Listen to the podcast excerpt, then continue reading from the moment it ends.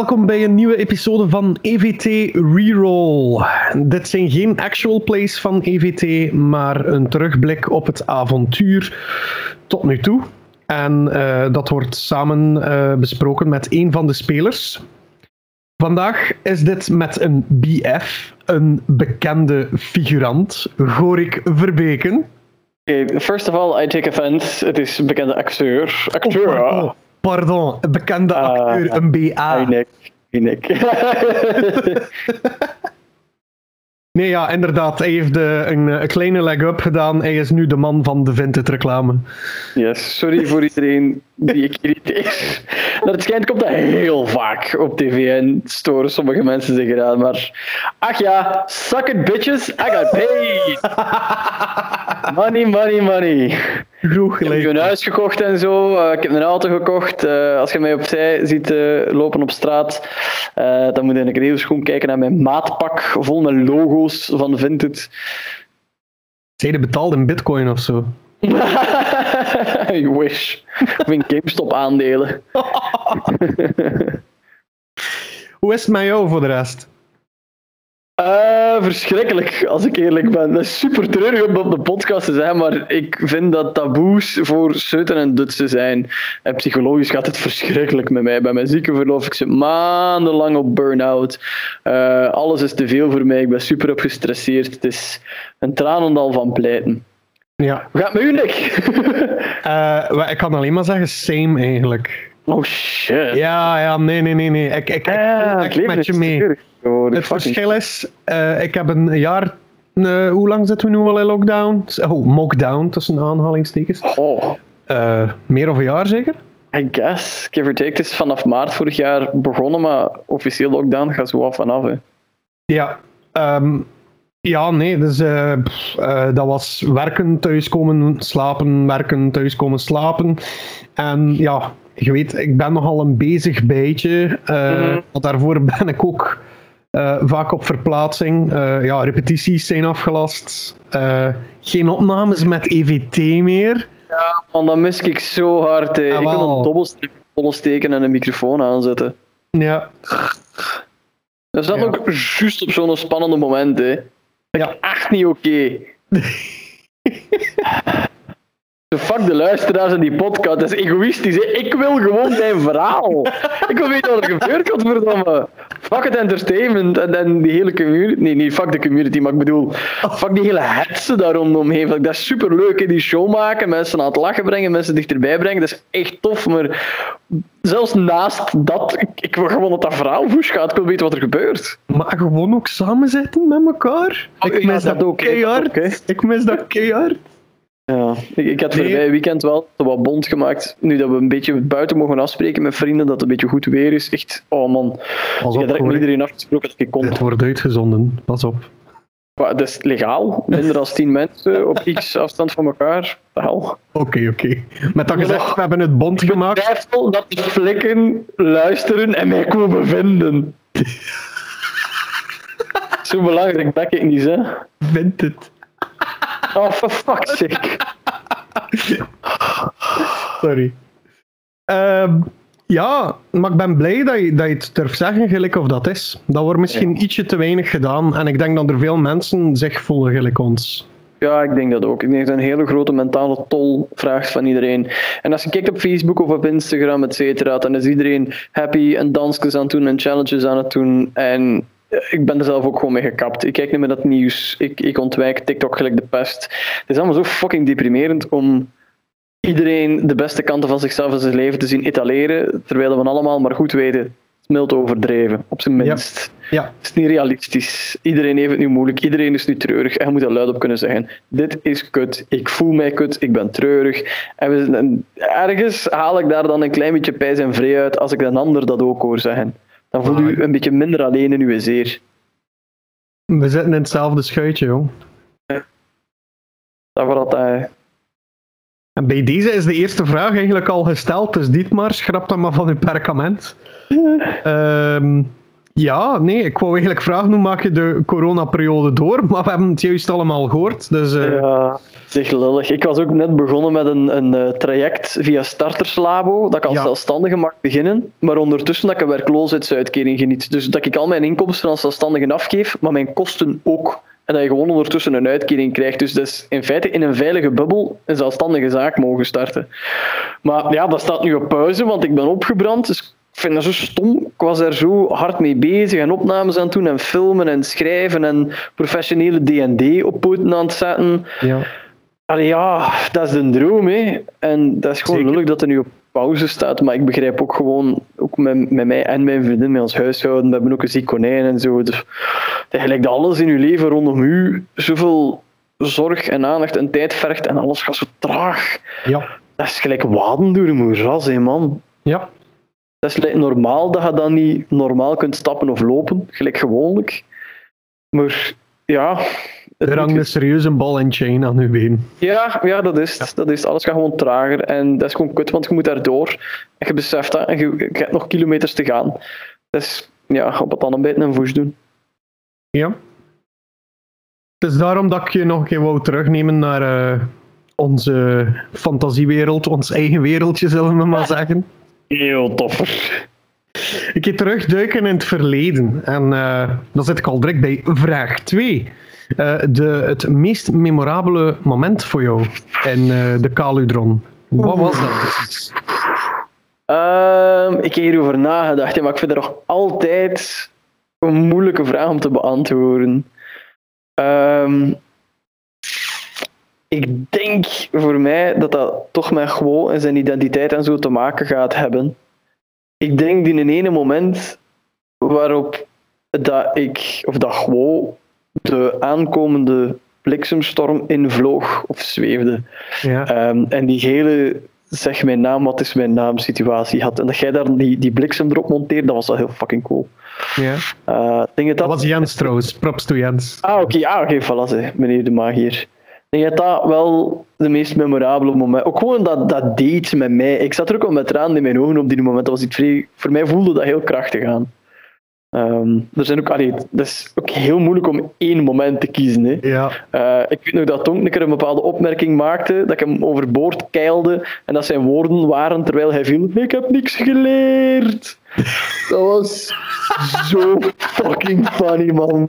De spitsvondigheid van Jens, dat is zo fucking leuk. ik Ah, was ook dat vergeten. ja, oh, dat onthoud ik echt. Dat is een van de grappigste momenten. Nee, dat vond ik zo goed. Oh, en dan had ook ja, epische dingen. Eigenlijk Dietmar die zijn zwaard ontdekt. Het, het samen in de strijden trekken. Er zijn zoveel leuke momenten. Dat is heel moeilijk om er een van te kiezen. Maar er zijn weinig momenten dat we echt kippenvel en tranen in mijn ogen enzovoort hebben gekregen. En, en dat was wel dat bliksemmoment. En, en God die zijn naam ontdekte en zo. Ja, maar je hebt dat ook heel goed gespeeld. Dat moet ik ook wel zeggen. Die Oh. zag mijn naam en dat was eigenlijk was dat eh improv ten top. Eh, dat was niet zo voorbereid dat jij in dat oog van de storm ging gaan Nee, hè? duiken en zo. Ja, ja, ja. En eh, ja, nee, dat was. eh, ja. Nee, dat is inderdaad. Allee, daarnet toen dat je het vertelde, kreeg ik alweer een beetje kippenvel. Dus.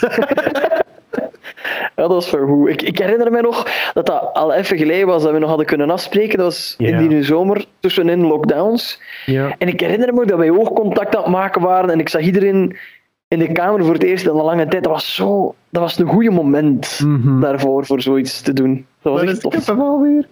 Ja, ja, kijk, voilà.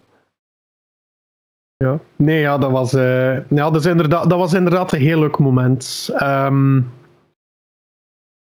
eh, ja, en en hetgene dat daaraan vasthing natuurlijk, hè, Zeld, die... eh, Sultana, ja. ja, de, de ware identiteit van en gewoon geheugen. Dat, ik vind het ook leuk omdat dan leg ik ook een beetje de, de laagjes van het karakter van gewoon in uw handen. En is dat aan mij om te zien wat ik ermee doe. yes. Want iemand die zoveel vergeten is, uw herinneringen komen wel terug. Maar de impact dat uw herinneringen op u hebben als mens of als personage, Mhm. dat duurt even eer dat dat doorcijpelt, eer dat uw persoonlijkheid verandert, eer dat uw attitude of uw principes aangepast worden aan uw werkelijke herinneringen. En ik vind dat wel tof dat dat zo... Ik heb geprobeerd om die kapiteinsjas daar een symbool van te maken. Dat is zo hij die wat meer vrede neemt met zijn verleden, zich wat anders opstelt. maar gewoon is en blijft een beetje een hedonistische, kleptomanische fucker. hè. Ik wil dat, dat scherpe randje wil ik zo niet wegdoen. Dat, dat, is goed. Personages moeten fouten hebben. Ja, absoluut. En eh, niet alle fouten eh, kunnen eh, eruit gehaald worden. Gelukkig. Gelukkig, gelukkig. En, en dan vraag 3. de meest, het meest cringy moment voor jou. Wow. Eh, oh, ik denk toen dat ik met Dietmar zijn zuster had geslapen en dat dat zo wat uitkomt. Dat vond ik wel goed, dat hij zo wat lek op stuk kreeg. Oh, oh die keer dat Dietmar en gewoon allebei tegelijkertijd een broek uiteen van. Ja, Kon dat niet gebeuren? Of, allee, ja, wat is dat hier? Oh, als ik erop terugkijk, was dat heel... ah, Ellie, op het moment zelf was dat leuk en hilarisch. Ik gaf dat diep en ik dacht van, oh, oké, dit, dit, dit is onontdekt gebied, waarom niet? Sure. Maar achteraf gezien is het nu wel heel fucking ongemakkelijk. misschien moet dat nog eens terugkomen. ja, ah, wel. Oh, oh, cringe het is meestal heel plezant. Ik, ik herinner mij weinig momenten dat ik mij oprecht ongemakkelijk voelde. Meestal als gewoon zijn ego in zijn gezicht ontploft, vind ik dat persoonlijk heel leuk. Ehm, ja, ik heb die morning after met, met Dietmar's zuster. Wees ook alweer Elise? Elisa? Ja, Elise. De, ik, ga, ik ga daarbij blijven. Dat was behoorlijk cringy. Ik, ik herinner mij nog iets. eh, gif, eh, het was, was het Gifka? Hm? Gifka was erbij zeker op dat moment. Dat hij daar ook een opmerking van maakte of zo. Mhm.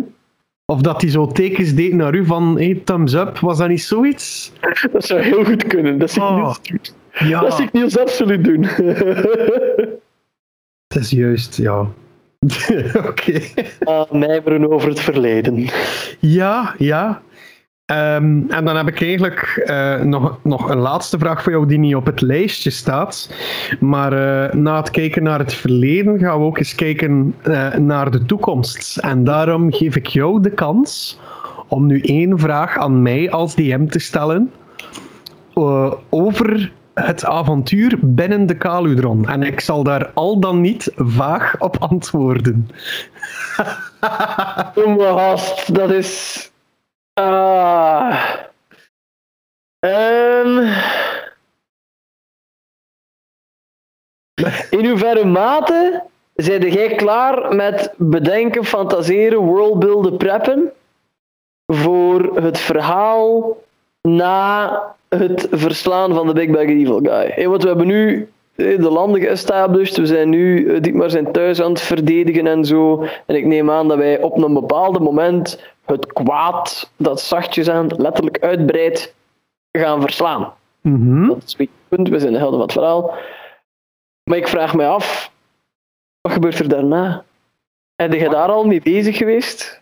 Ik heb al een paar uitkomsten daarover. Nu, dat hangt ook af van jullie acties binnen de wereld. Mhm. Dus het zou heel goed kunnen zijn dat we nog een klein avontuur met de huidige personages doen, erna. Of het kan ook zijn dat we een eh, time leap gaan doen. En dat jullie met andere personages Ah. zullen spelen. Ja. Maar dat jullie oude personages wel een plaats hebben in de wereld. Ja, ja dat Eh. vind ik leuker. Want ik zat al een tijdje te denken, veel mensen willen heel graag naar 11 voor 12 luisteren. Ja. En hoe dat we in het begin bezig waren in vergelijking met nu, dan lijkt mij tof om een instapmoment in de afleveringen te kunnen bouwen. Dat ze het hebben Ja. van deze 50 mogen overslaan, vanaf 51 begint verhaal 2. En dan zijn ze al wat meer gewend hoe dat ze het moeten maken en ze zijn wat meer ervaren, dat staat alles op punt. Dus in Critical Role is dat ook zo. Like, die eerste x afleveringen zijn niet eens te vinden en dan in het begin zie je dat is vrij shitty. Maar vanaf seizoen 2, de start daarvan, dat was meteen clean en crisp en handig om erin te stappen. En van, wij kunnen misschien ook zo wel iets doen dat onze personages... Hey, pas op, het kan ook zijn dat we doodgaan en dat wij als standbeelden overschieten natuurlijk. Absoluut. er zijn Eh, heel veel uitkomsten. Nieuwe, nieuwe personages te maken. Zeg, er zijn zoveel boeken uitgekomen sindsdien. Ik wil zo graag like, een Grieks geïnspireerde held proberen. Er zijn een paar klasses dat ik nog nooit heb gedaan. Ik ben heel curieus naar ehm, wat we dan allemaal op tafel zouden brengen en wat het verhaal dan zou zijn. Maar dat is toekomstmuziek natuurlijk, maar ik zit daar toch wel al een klein beetje aan zo te denken. Ja, maar kijk, dat, dat is ook hetgene wat je nu zegt, je wil de Grieks geïnspireerden hebben. De Caludron is groot. Ah ja. En uiteindelijk, er, er bestaat een tekening van uh, een deel van de Caludron. Uh, daar komen jullie op een heel. Daar hebben jullie nog maar een heel klein deeltje van verkend, uiteindelijk. Ja. Dus er zijn nog heel veel mogelijkheden. En ik, ik laat graag. Ik, ik, heb, ik heb ook graag die speelruimte.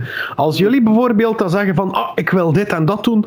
En wie weet wil ik wel dat. Dan kan ik inspelen op jullie. Nou, behoeften is een sterk woord. Op jullie um, verwachtingen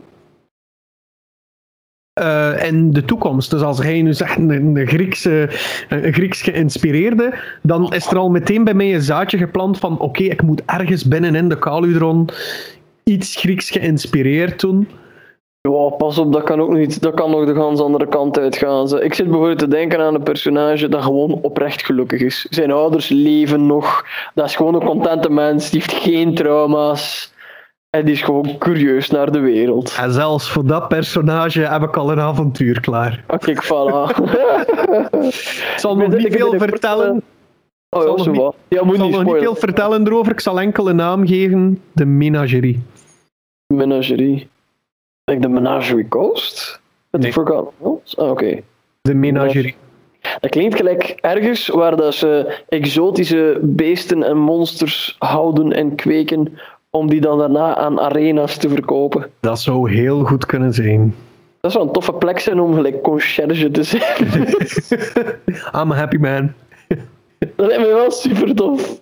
Dat is de, de, de Hagrid van de D&D. Zo, zo, nu moet ik spontaan denken aan, aan die meme van die boer die op zijn land staat. It ain't much, but it's honest work.